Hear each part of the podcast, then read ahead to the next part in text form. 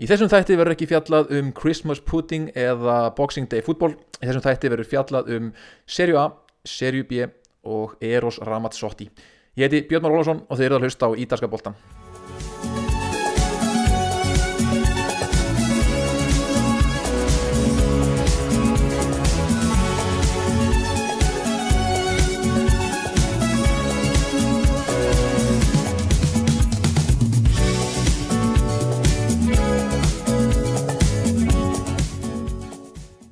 Já, komið sæl og verið velkomin í þennan nýjunda þátt ítalska boltans á, á sama tíma og ég ósku ykkur auðvitað gleðilis nýs ás ár 2021. Við vonum að árið 2021 verði árið þegar áhörundur snú aftur á áhörundapallana eftir COVID. Þetta áhörundarleysi er orðið ansið þreytt og þó þessi komið nýtt ár þá breytir það því auðvitað ekki. Það er Origo, upplýsingatekni Risin Origo sem er með mér í þessum fyrsta þætti á nýju ári.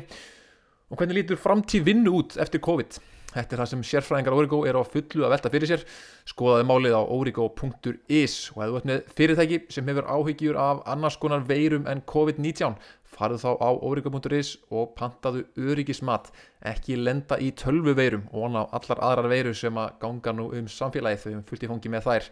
origo.is En þessi þáttur verður með því sniði að ég ætla að byrja á því að fara yfir leiki gerdagsins. Þáttur er að tekinu upp núna á 50 degi og Í gerð á miðjögudegi þá var svo kallar uh, Befana dagur á Ítalíu, rauður dagur þess að það var spilað uh, yfir allan daginn eins og helgidag, eins og um helgidag var að ræða. Uh, þetta er þetta dagur Östurlanda vitringana þryggja úr biblíunni, Gisla dagur líka kallaðar á, á íslensku. Þeir halda vel upp á 13. á Ítalíum, heil umferð fór fram þá og síðan fór auðvitað fram nokkla leikir fyrir áramót sem við líka koma inn á. Síðan ætlum ég að fara yfir hvernig Íslandingurum hefur gengið. Það hefur verið svona upp og niður Uh, síðan ætla ég að enda þetta á að fara yfir uh, transferkluggan Mercatoið, markaðin hvernig liðin í topnum ætla að styrkja sig því að það er hörð samkeppni um ítalska titilinn þetta árið. Uh, og það eru talsveit af transferfréttum og, og hérna, margir leikmenn sem eru orðaðir við félagsskipti. En Árum við fyrir með leikina í gær þá kannski alltaf að nefna þá skemmtilegu frétt, það byrjaði svo skemmtilegum fréttum. Og uh, það móti nefna það að Mario Balotelli er mættur aftur til Ítalíu. Búin að skrifa undir fyrir Monza í serju B. Eins og ég hef komið áður inn á í þáttunum þá er Monza þetta í eigu Silvio Berlusconis þannig að er Balotelli er mættur aftur undir stjórn Berlusconis og Adriano Galliani sem er yfirmæður íþróttamála hjá Monza.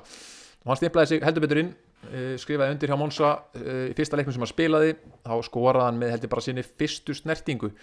Svo reynda mittist hann og hefur ekki spilað eftir það en hérna hann verið vonandi aftur komin á völlin uh, sem allra aðra fyrst. Önnur skemmtileg frétt af svona, segja, ítölskum bad boy. Það er ekki Mar Mario Balotelli sem hefur, hefur náð fyrirsögnum ítalskra miðlam heldur er það Nicolo Sagnolo leikmaður Róma sem hefur heldur betur stólið fyrirsögnum. Hann auðvitað er að gleyma við crossbandslitt steitt crossband í annað skiptið á stjórnum tíma í eh, september og við erum núna í endurhæfingu og verður sennilega komin aftur einhvern tíma í april um, þetta tekur svona rétt undir hálft ár fyrir menn að koma aftur virðist vera í, í þessum crossbandaslitum. Þannig að það verður vantilega komin aftur í mars, april og nær vonandi EM á næsta ári. En uh, það sem hann hefur gert af sér uh, það hefur uh, mikil mikil stýrverði í kringum hann vegna þess að hann hætti með kærastunni sinni til margra ára hætti með henni eftir að hann uppgötaði að hún var ólétt. Það er þetta sérstætt í sjálfu sér en uh, síðan komið ljósa hann er byrjað að deyta rúmensku fyrirsættunum Madelina Genea og það sem er sérstætt við hanna er að hún er auðvitað ekki nema 12-15 árum eldri en hann og fyrirhandi kærasta Eros Ramazzotti söngvarans sem við skulum kannski heyra smá tóndæma eftir frá Eros Ramazzotti.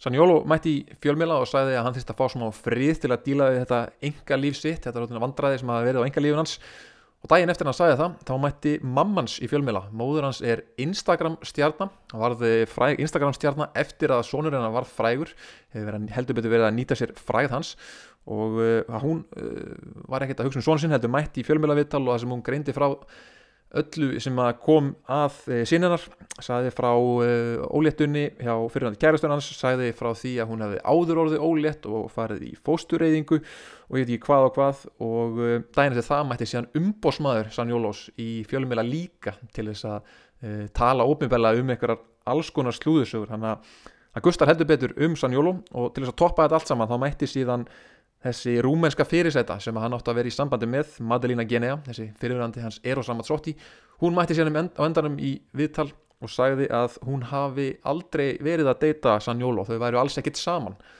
þannig að hann fór frá því að eiga kæristu og móra batni í það að vera að deyta 15 ára eldri súpustjórnu sem síðan afnita á hann, sagðist aldrei hafa verið að deyta hann. Þannig að það er að Gustaf Rumann hann er í smá vesin þessa dagana, en við vonum auðvitað að hann bara finni, finni frið og uh, haldi áfram í sinni endurhæðingu og verið mættur aftur á völlin sem allra, allra fyrst í að hann auðvitað var frábær áður en að sleitt fyrsta krossbandið, mætti aftur eftir einn krossbandsleitt spilaði frábærlega þannig til hann sleitt næsta. Þannig að hérna, við vonum hann verið mættur aftur inn á völlin í april og auðvitað að spili með Ídalum á EM uh, 2021 næsta sumar sem er svona það sem allir binda vonið við. En við skulum bara byrja því að fara yfir uh, leiki gerðarsins umfyrir hóst þetta í hádegi að ger með leik Cagliari og Benevento og Raja Nainggolan, gamla Cagliari legendið er mætt aftur til Cagliari eftir uh, að ferka leiðilega dvöl núna hjá Inter. Hann ætti að vara í láni hjá Cagliari á síðast tíðanbili en hérna e, núna í sumar vildi Conte haldunum e, en núna hefur hann lítið spilað undir Conte og er loksins mættur aftur heim til Cagliari og hann mætti heldur veitur frísku til leiks e, fyrir Cagliari. Næstum að skora frá e, miðju í leiknum með annars. Fyrsta markið sem að Cagliari skorar e, og þeir komast yfir það kom eftir undirbúning frá honum. En síðan hrundi leikur Cagliari algjörlega og þeir töpuðu endanum 2-1 gegn Benevento, gríðarlega mombreyði fyrir þetta Cagliari lið, þeir eru með fullt af spræk og leikmunum en varnarleiku þeirra sérstaklega var ríkala slagur hérna á tímabili þannig að uh, já, við vonum að þetta gangi betur fyrir Nægolan og hans menn uh, á, á næstunni. Annar leikur gerðarsins var Atalanta Parma og uh, Atalanta vann 3-0 þeir eru virðast að vera komnir á sitt uh, skrið, sitt hefðbunna skrið sem við höfum lært að þekkja þá uh, og þeir eru bara völduðu yfir vonlaust Parmalið. Lús Muriel skoraði mark, landi hans Duan Zapata skoraði annar marki og svo díski bakverðun Robin Gosens með þriða markið Eftir leikin núna í dag þá var síðan tilkynnt frá Parma að Fabio Liverani þjálfari hefur verið rekin og við tekur öllum líkitum Roberto Daversa sem að þjálfaði Parma í fyrra hefur þjálfaði Parma rauninu síðustu, síðustu ár hefur gert frábælega í að halda þeim uppi en þetta Parma-lið núna er gjössamlega vonlust og uh, það heldur sér ekki nóg að skiptu um þjálfara fyrir þetta lið að þá vant, sárlega vantar leikmenn meiri gæði. Gervinho er búin að vera mikið mittur og uh, að þeir eru já, gorki með varnarleikin upp á tíu nýja skindisóknar sínar. Þá er þetta lið uh, fallbísu fóður. Og uh, ef þeir bæti ekki vissi leikmennum núna í janúarklukkanum þá held ég við getum bara að fara að bóka þá niður í serju B. Jafnveg þótt að þessi Roberto Daversa hafið unnið uh, kraftaverk með á áður þá er þetta leikmennahópur bara alls ekki nógu sterkur. Svo mættust Bologna og Udinese. Og okkar maður Andri Fannar Baldursson var á bekknum allan leikin Bologna búið að endurhenda nokkra leikmenn úr meðslum meðal annars Ricardo Orsolini, ítalski kampmaðurinn ungi sem hefur verið mittur í síðustu leikjum. Um, hann kom inn í liðið og það svona uh, riðlar aðeins til liðinu. Uh, Mattías Svanberg svíinn startaði leikin á miðjunni í staðið fyrir andra fannar. Andrea Poli, ítalski gamanrendi miðjumæðurinn sem hefur spilað fyrir Asi Milan. Hann er að verða heil heilsu líka þannig að það er svona aðeins meiri samgefni um miðjustöðunar ákvörðat núna. Og Bologna þeir komist yfir og Svanberg með þess að skoraði þessi svenski Mattías Svanberg áður en hann fekk síðan rauðspjald uh, og út í nesa tókt svo að jafna í uppbóta tíma á 92. mínútu. Þannig að Svanberg verður allan í banni í næsta leik. Þannig að spurning hvort að það opni upp fyrir uh, andra í næsta leik sem Bologna á 2-2 uh, þegar Bologna á út í nesi síðan mætti Crotone Roma nýri á Stadio Ezio Scita í Crotone á Suður Ítalju og Rómverjar kláruð þann leik strax í fyrri hálfleik Edin Dzeko var kvildur og í staðin var spænski framverinn Borja Majoral sem að fekk uh, frekk að byrja leikinn fyrir Róma í fremstu línu og hann þakkaði trausti með því að skora tvö mörg og fiska síðan vítið uh, sem að Róma skoraði úr og komst í 3-0 fyrirháleik og sérstaklega annað markið hans Borja Majoral var uh, á 30 metrum beint upp í samskiptin þannig að það virðist vera sem að Rómverða séu ekki bara með Dzeko on fire því að hann auðvitað tryggði þeim sigur gegn Sampdoria í síðustumferð heldur er varaframherinn maður sem á leysan af, hann er líka fullur sjálfströst, þannig að þetta er nákvæmlega það sem þjálfari Róma var að vonast eftir. Og þetta er rauninni annar leikur í rauð núna og, og rauninni já, í haust líka hefur Róma verið afar sannfærandi. Það uh, var tekið öll liðin fyrir neðan síðan í töflunni og að pakka þeim saman. Voru aldrei líklegir til að rauninni missa þennan leik niður.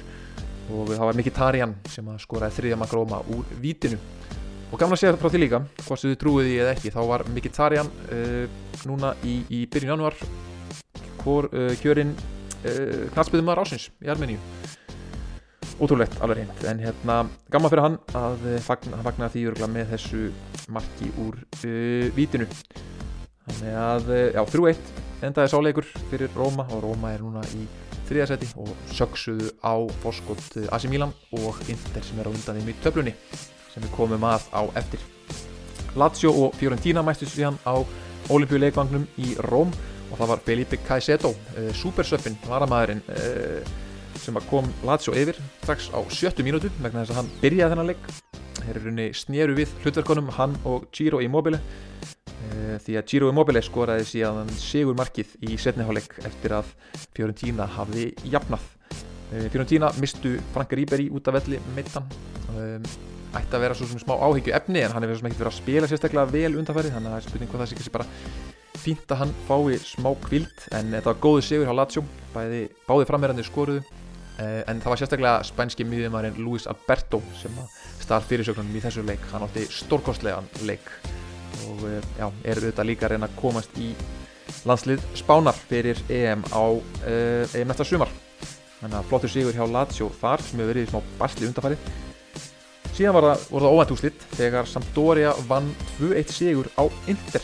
Og leikunum fóð fram í Genoa á mjög regnþungum velli í Genoa það sem hefur ringt raunni án áláts síðustu vikur.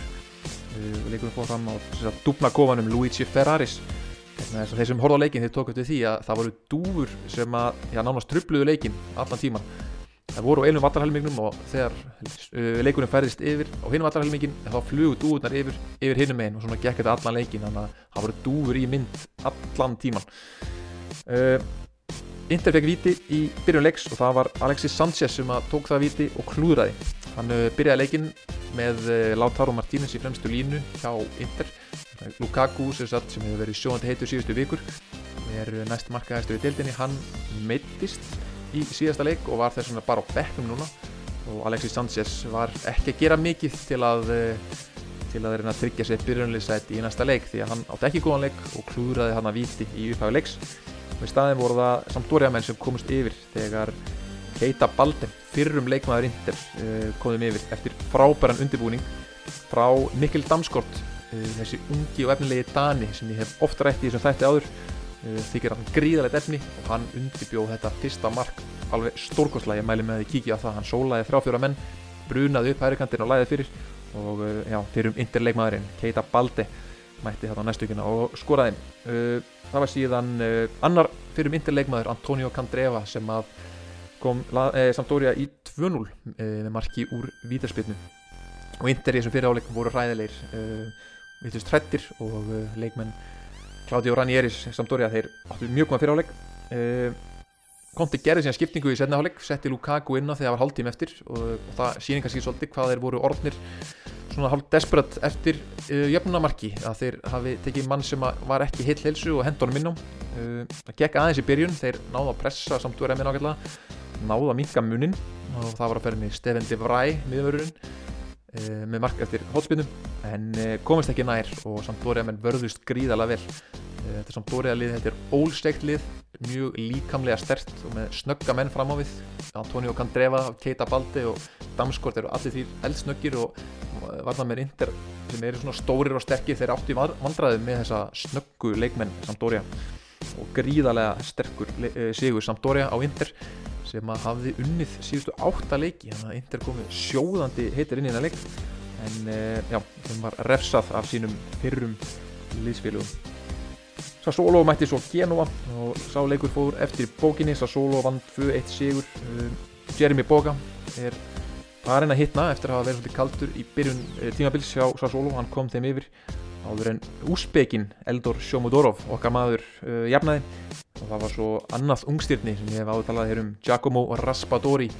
Uh, framherji, ungur efnilegu framherji í Sassolo sem að skoraði sigur markið Genoa eru konum með nýja þjálfara. Þeir ráku þjálfara núna rétt fyrir áramót og inn er komin uh, Davide Ballardini. Og það er þekktur þjálfari hjá Genoa því að hann hefur hætti þjálfað þrís var það fjóri sinum áður. Og þrís var að fjórisunum verið reygin hann er alltaf kallaði til þegar þið lendi vandræðum til að halda liðinu uppi Gleirharður mæti með sólgleru alltaf á begnum um, það var fjölmjöla vöktu aðtegli á því að síðast er hann var reygin þá fekk það út, úthúðaði fórseti gernu á honum svo illa að menn held að hann myndi aldrei koma aftur. En hann leta ekkert stoppa sig og mætti aftur til Genoa í enn eitt skiptið og ætla að reyna að halda henn uppi. Og uh, já, það byrjaði ágætlega hjá þeim í síðustum umferð en uh, núna steinláði hérna fyrir Sassuolo þetta er svona leikur sem þeir hefðu átt að reyna að ná stíur og þeir eru ennþá hérna í byllandi fallbaratu uh, Genoa menn og talandum fallbaratu þá er Torino ennþá þetta í byllandi fallbaratu og þeir tóku á móti Hellas Verona. Ráleikur endaði líka með 1-1 í aftefli ekkert sérstaklega spennandi leikur. Hellas Verona komst yfir með marki Federico Di Marco bakverðarins aður en miðlöðurinn Bremer, brasilíski Bremer jafnaði leikin fyrir Torino Torino menn hafa ekki reykið þjálfvaran eins og margir hefðu búist við heldur er virðast að vera að gefa Marco Giampaolo tækifærið áfram. Spilamennskan hefur verið svo sem fín en þeir hafa verið að missa leikin niður í lokin en núna náðu þeirra í jafntefli eftir að hafa lengt undir þannig að það kannski er vísbendingum að það uh, sé fara að ganga betur á Torino og þeir eru komin þannig að það er rétt ja, svona, við fallsetið og ekki langt upp úr fallsetinu alltaf Nú, svo eru kannski komin að uh, enn stærri leikjónum og næsta leikur er Napoli Spezia og það voru enn önnur óvand úslitin því að Spezia menn manni færri náðu að vinna á útífelli 2-1 sigur, gríðarlega sterkur sigur Spezia mann sem að eiginlega enginn bjóst við. Uh, það fyrst Napoli sem komst yfir uh, varamæðurinn Andrea Petagna ískapurinn stóri og stæðilegi sem kom inn á skoraði og kom þeim yfir. Áður en Spezia skipti inn á uh, miðjumannum Tommaso Pobega líka leikmaður sem ég hef talað um áður í þessum þætti. Spilaði með ítalska U21 áslansliðinu spilaði með þeim meðal annars gegn Íslandingum hérna heima á Íslandi. Hann fiskar viti og sem að framerinn Mbala Endzola skoraði úr. Áður hann sjálfur skoraði síðan sigumarki eftir að spetsiamenn í blálókin voru orðnir manni færri og þetta var gríðilegt áfall fyrir leikmenn Gattusos. Þessi Mbala Nsola er alveg leikmenn sem maður mætti aðeins nefna því að hann er núna komin með áttamörk og er á listanum hann yfir markaðastu leikmenn deildarinnar og þetta er leikmenn sem hefur bara spilað í neðri deildum. Þetta er franskur leikmenn uppalinn hjá Troyes sem er auðvitað ágættis lið í Fraklandi sem spilar þetta nú í Lík 2 Uh, fór síðan til Portugals í neðri deildir eftir að hafa ekki fengið aðdurumannasanning hjá Tróis fór síðan til Virtus Francavilla í Puglia á Ítalju Suður Ítalju í neðri deildum. Fór til Carpi í Serju B áður en ég sá hann síðan árið 2019 þar sem hann var að spila með Trapani í Serju C. Uh, ég horfði hann þar í úslitaleik Trapani þar sem að Trapani komst upp um deild upp í Serju B og uh, þar var líka þjálfari Spezia Vincenzo Italiano að þjálfa Trapani. Italiano tók síðan hennan Mbala Nzola með sér til Spezia og hann hjálpaði Spezia að komast upp um deilt í fyrra og hefur núna 26 ára slegið gegn í serju að koma 8 mörg á tímabilinu í 12 leikum Þetta er greiðlega skemmtilega saga eh, hjá þessum frakka sem að hefur á 26 ára gammal og hefur aldrei áður spilað í efstu deild á Ítalju gríðalega stert og hann er stóra sterkur frammeiri Uh, örugur fyrir hafa markið og uh, já, leikmaði sem að spetsja með verða að treysta á þeir verða að halda sér uppi. Þeir hafa verið að spila vel. Svona eitt af þessum þeir á svona Benevento eru svona þeir nýliðarnir sem hafa verið að spila best en stígin hafa aðeins verið að láta býða eftir sér. Þeir eru hann að rétt fyrir ofan fyrir ofan fallseti þeir þurfa sérstaklega að halda í þennan Mbala en Sola þeir ætla, ætla að halda sér uppi. Hann hefur verið orðaðir í burtu sem var meðan verið orðaðan við lið á Englandi. Og þetta verður gaman að sjá hann fá stort múf einhver tíman en ég vona þetta hann klári klári tímabilið með, eh, með Spezia. Og svo erum við komin að stærsta leik gerðagsins og það var auðvitað slagur AC Milan og Juventus. Leikur sem að já, allir á Ídalíu höfðu beðið eftir með eftirvendingu AC Milan í toppsætinu uh, gegn Juventus sem að hafa, eru ekki búin að spila eins og þeir hafa gert undanferðin ár og er, er ekki nema fjórðasæti fyrir þennan leik.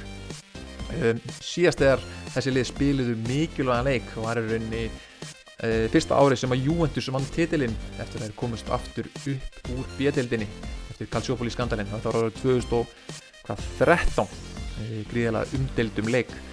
En nú er þessi leikur þess að liða orðin uh, mikilvægur aftur orðin toppslægur og það var Asi Mílanlið sem að vantaði helviti marga leikmenn í sinn hóp. Slatan meittur, uh, Benacer Ante Rebic, Salemakers Belgin, um, Sandro Tornali og Rade Krunic voru allir úti, annarkottin með COVID eða meittir eða í banni. Uh, og þeir spilu þessuna með uh, Davide Calabria bakvörðin á miðjunni. Juventus voru heldur ekki alveg með fullskipalið, Alexandro og Cuadrado voru báðir með COVID og Morata var heldur ekki með þeim. En þetta var svona, AC Milan liði var aðeins meira vangbrótið leikurinn var fór fram á San Siro í Milano. Og AC Milan menn byrjuði betur. Það var greinlega upplegið hjá þeim að pressa hátt og uh, Juventus menn svona átt í erfuleikum með að spila sig út í gegnum þessa pressu Milan manna en uh, já, komust samt yfir með marki frá Federico Chiesa sem átti stórkostlanleik og var klálega maður vallarins, hann skoraði tvö mörg fyrir Juventus. Áður en bandarækjamaðurinn Weston McKennie skoraði þriðja markið. Og það var David, það var þessi Calabria bakvörðurinn sem spilaði á miðjunni. Og áttir þetta bara fína leik á miðjunni. Og hann sem skoraði mark AC Milan sem segi, fyrir hálfleikurinn var fín og AC Milan með fengu nokkur færi en náði ekki að klára leikin, náði ekki að gera út um leikin og í setna hálfleik þá sást að það vantaði breytt, það vantaði að varamenn hjá AC Milan.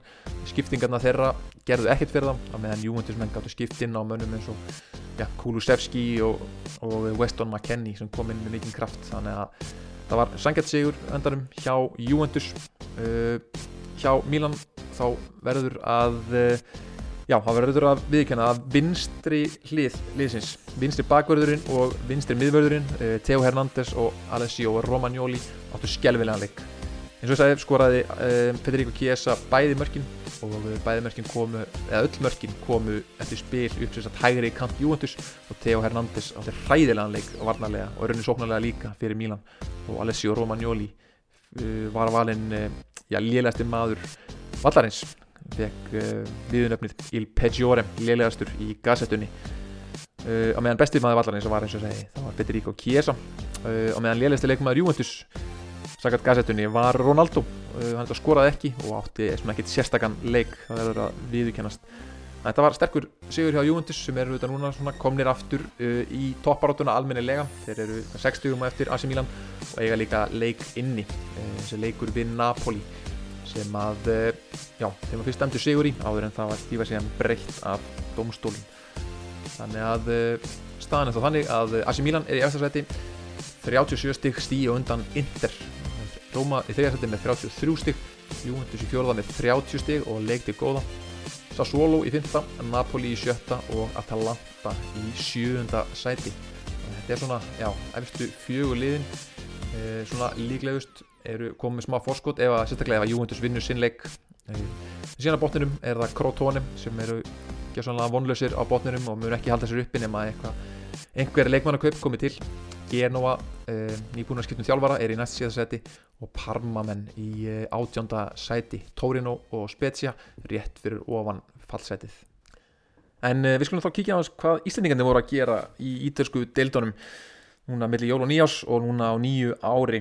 Og við skulum þá byrja á andrafannari Baldursviti hjá Bologna. Hann auðvitað startaði leik fyrst skipti hjá Bologna í aðdeildinni millir jól og nýjás þegar Bologna mætti Atalanta. Og uh, var tekinn að velli í síðara hálfleik.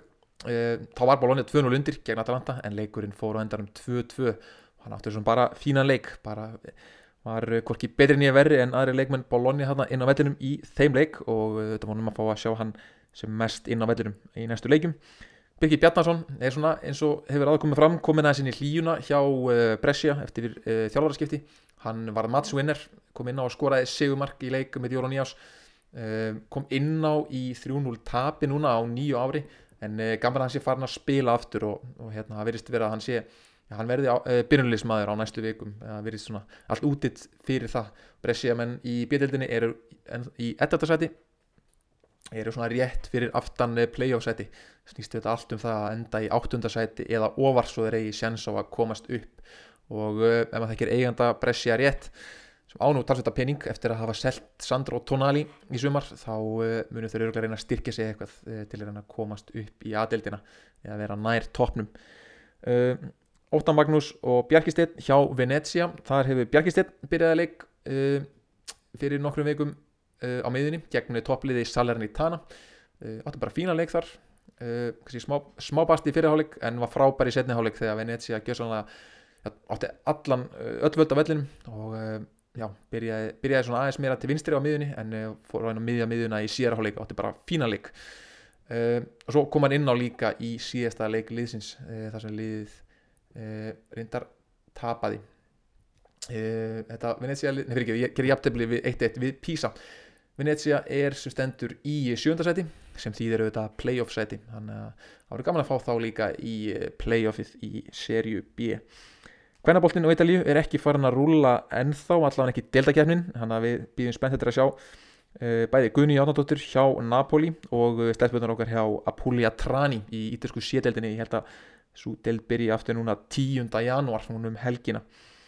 Um, Ég ætla líka að koma smá leirreitingu, ég veit að nefndi það fyrir nokkrum vikur síðan að Guðni Áttóttir væri fyrst í Íslandingurinn í Napoli í yfir 100 ár en uh, glemdi þar að sjálfsögðu Selmu Líf Hlífardóttur sem að uh, skrifaði undir, uh, markmaðurinn Selma Líf Hlífardóttur sem að skrifaði undir fyrir Napoli í februar á þessu ári, fóð svona aðeins fram hjá sumum, vegna þess að þetta var auðvitað rétt áður en COVID skall á og það auðvitað fóð svo að hún já, spilaði ekki í leik fyrir Napoli, hann að Guðni er vist Íslingum til að spila leik fyrir Napoli uh, í yfir 100 ár. Þannig að ég held að bara hafa rétt skafa rétt. Fínt að hafa nefnt þetta. Og þetta fögum vonum að fleiri uh, Íslingi leikmenn fara að taka skrefið til Ítalíu. Ekki vera að fara til Þískaland sem virðist vera trendið uh, núna. En þess að lókin aðeins fara yfir transfer. Fara aðeins yfir hvað liðin verðist að gera á markanum það er þetta mörglið sem þurfa að styrkja sig og mesta pressan verðist kannski vera á Inder Þeir eru auðvitað unnu áttalegi röð, töpu síðan fyrir Sampdoria, uh, svona gráðlegt tap og Lukaku er mittur og það er allt sem bendir til þess að Antonio Conte vil fá nýjan framherja. Og þeir framherja sem hafa verið orðaðir við Inter núna í uh, vetur eru Graziano Pelle sem að spila auðvitað í Kína og uh, framherjin Eder. Uh, Eder, ég fyrir um leikmeður Inter, uh, Graziano Pelle og Eder voru framherja parið hans Antonio Conte þegar hann þjálfaði ítalska landsliðið á EM 2016 kannski eitt slagasta ítalska landslið síðar ára. Hann fór með þetta lið eh, þennan stríðsvagn eða eh, skriðdrega eins og hann kallaði lið fór með þetta lið allavega í áttalega úslitt þar sem þið töpuð fyrir þjóðverðum í vítarsmyndukeppni og þá var framherja parið hans Grazian og Pelle og Eder og hann er, eh, já þeir hafa verið orðaði við þessa báða þessa framherja. Eh, Pelle er auðvitað sennilega að fara frá Kína eftir að hafa verið þar eitt launæsti leikmaður heims síðan hafa líka verið orðaði við Gervinho frá Parma. Konti eh, reyndi að fá hann í suma líka eða höst og Oliver Giroud en það er svona ólíklegt að þeir nái honum. Uh, þeir hafa líka orð, verið orðaði við Leandro Paredes miðjumann PSG og þá geti Kristjan Eriksen farið í öfuga átt. En hann er auðvitað djúft niður í fristikistunni komin þetta inn á að mótið Sampdoria og fekk verið til að skora sigumarki í aukarspilnu á góðum stað í lókin hefði verið skemmtilegt fyrir hann að, að hérna, ná svona redeem himself en aukarspinnan fór ekki inn. Og hann er að öllum líkitum á leiðin í burtu. Annarkort til PSG eða þá aftur til Tottenham ef að Dele Alli fer til PSG hefur verið talað um. Svo var það líka verið orðaðið við West Ham. Asi Milan uh, þeir eru ekkit með ekkit uh, gríðlega mikla peninga. Þeir hafa þetta svona spila kannski svolítið yfir getu uh, og alltaf hverjan að styrkja sig en þetta eru svona aðeins minni spámen Muhammed Simakan uh, varðamæði frá Strasbourg sem þeir eru að kaupa Gianluca Scamacca framherjin frá Genoa og uh, Jovic uh, Luka Jovic frá Real Madrid sem að þeirra verið orðaði við. Er svona ólíklegt kannski að þeir ná að leysa það með hans laun og uh, transfer fee.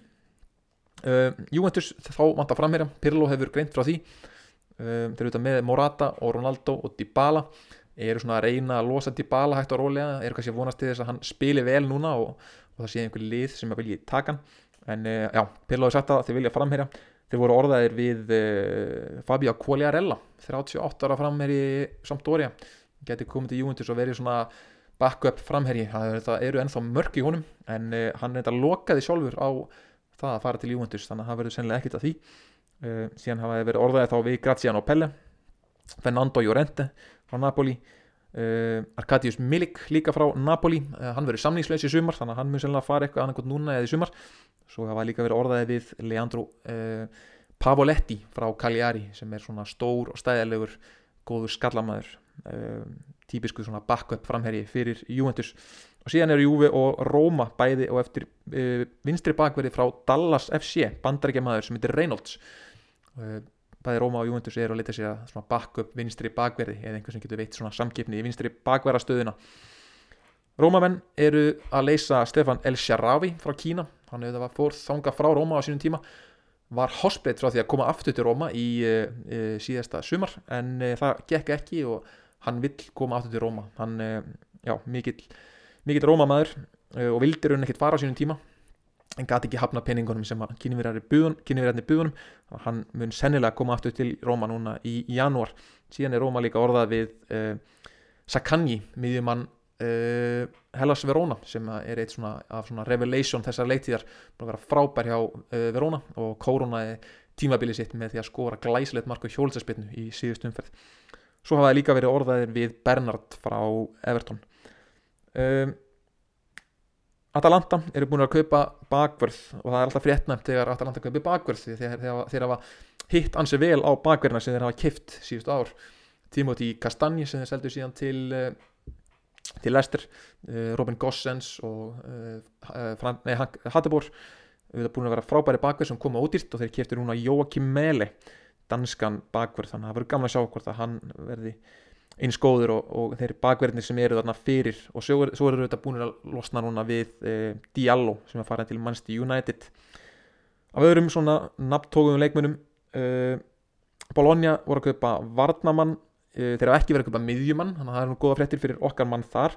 Fiorentina er búin að losa Patrik Cutrone aftur til eh, Wolves. Hann var auðvitað láni á Fiorentina, var ekkert að spila var ekkert að gera sér líklegan til að slá í gegn þar og Fiorentina menn eru orðaði núna við Kristof uh, Piontek framherjan sem að sló rækilega í gegn með Genoa uh, fyrir, já, tveimur árið síðan og fóð síðan til AC Milan og er núna í hertu Berlín. En er hún orðaði við comeback til Ítalíu og það væri alveg eitthvað spennandi að sjá hann spila aftur á Ítalíu því að hann var gríðarlega sterkur þetta fyrsta halva tímabilið sitt hjá Genoa á Ítalíu og Napoli, þeir eru líka að leita vinstri bakverði og eru sterklega orðaði við Emerson Palmieri bakverð uh, Chelsea. En svona eins og eins og segjum þá er það sérstaklega Inter og kannski Roma og Juventus sem eru líklegt til þess að taka einhverja stóra bita. Til liðin sem auðvitað eru í toppbaratunni og liðin sem að virkilega þurfa að styrkja sig. Og meðan önnu lið og sérstaklega í bóttbaratunni þá ekki nóg með það að liðin það séu í bastli heldur eru þau mörg hver ekki með mikið fjármagnar millir handana og sérstaklega eins og ég sagði á hann hef ég miklar áhyggjur á Parma sem að virðast ekki tafa sérstaklega mikið pening til þess að komast út úr þessu, þessu vandraðum sem þeir eru í þessa stundina. Nú í lokin skulum við aðeins fara yfir leikina núna um helgina, það er heil umferð sem við fara núna í næstu helgi. Og uh, stærsti leikurinn eru þetta á sunnudags hádeginu, þar sem við mælum með allir uh, já, takk í fjölskylduna með sér takk í ítalskan, gera ítalskan dag úr þessum, fara í kirkju klukkan 11, mæta síðan uh, klukkan hálf 2 fyrir saman sjónvarpið og horfa á Róma Inter. Og þeir borða síðan pasta sitt í kvöldmatt uh, Róma Inter lið bæði í topparötu uh, bæði lið þurfa virkilega á sigur að halda. Rómur að geta komist upp alveg að hlið Inter með Siri meðan Inter eftir þetta tap gegn Sampdoria þurfa virkilega á Siri að halda Benevento mætir Atalanta Genoa mætir Bologna. Spurning hvort Andri fann að fá eitt tækifæri þar. Sáleikur eru á lögadaginn AC Milan Torino mætast á lögadagskvöldið síðan á sunnudaginn eru Hellas Verona Crotone. Parma mætir Lazio. Udinese mætir Napoli. Fiorentina Cagliari. Og svo á sunnundaskvöldið er Juventus Sassuolo sem getur líka orðið mjög skemmtilega leikur. Spurning hvort Juventus sé lóksins búið að finna taktin með þessum sterka klassíska Juventus sigri sem þeir áttu á AC Milan. En uh, þetta var allt þessi sunni. Við heyrumst aftur í næstu viku og við skulum bara enda hana þátt á eh, Eros Ramazzotti maðurinn sem allt snýst um á Ítalíu núna sem fyrr. Verið sæl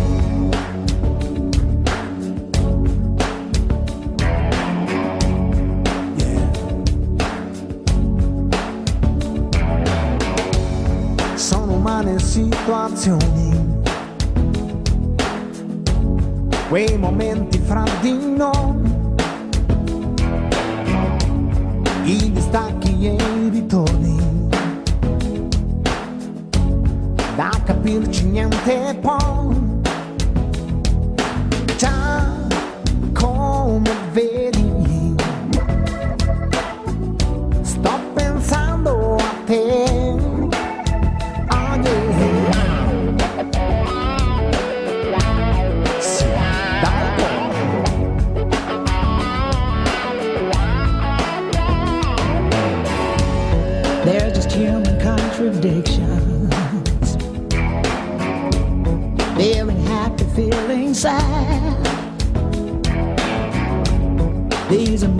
of transition.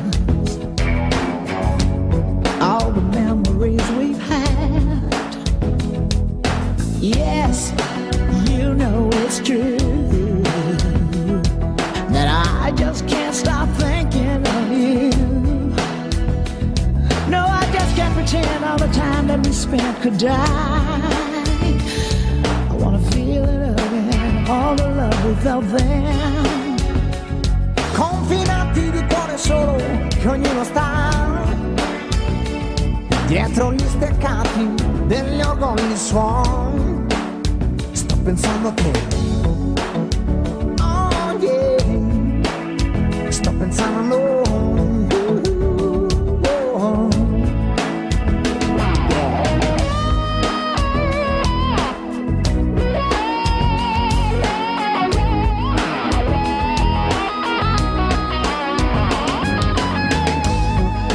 Cose della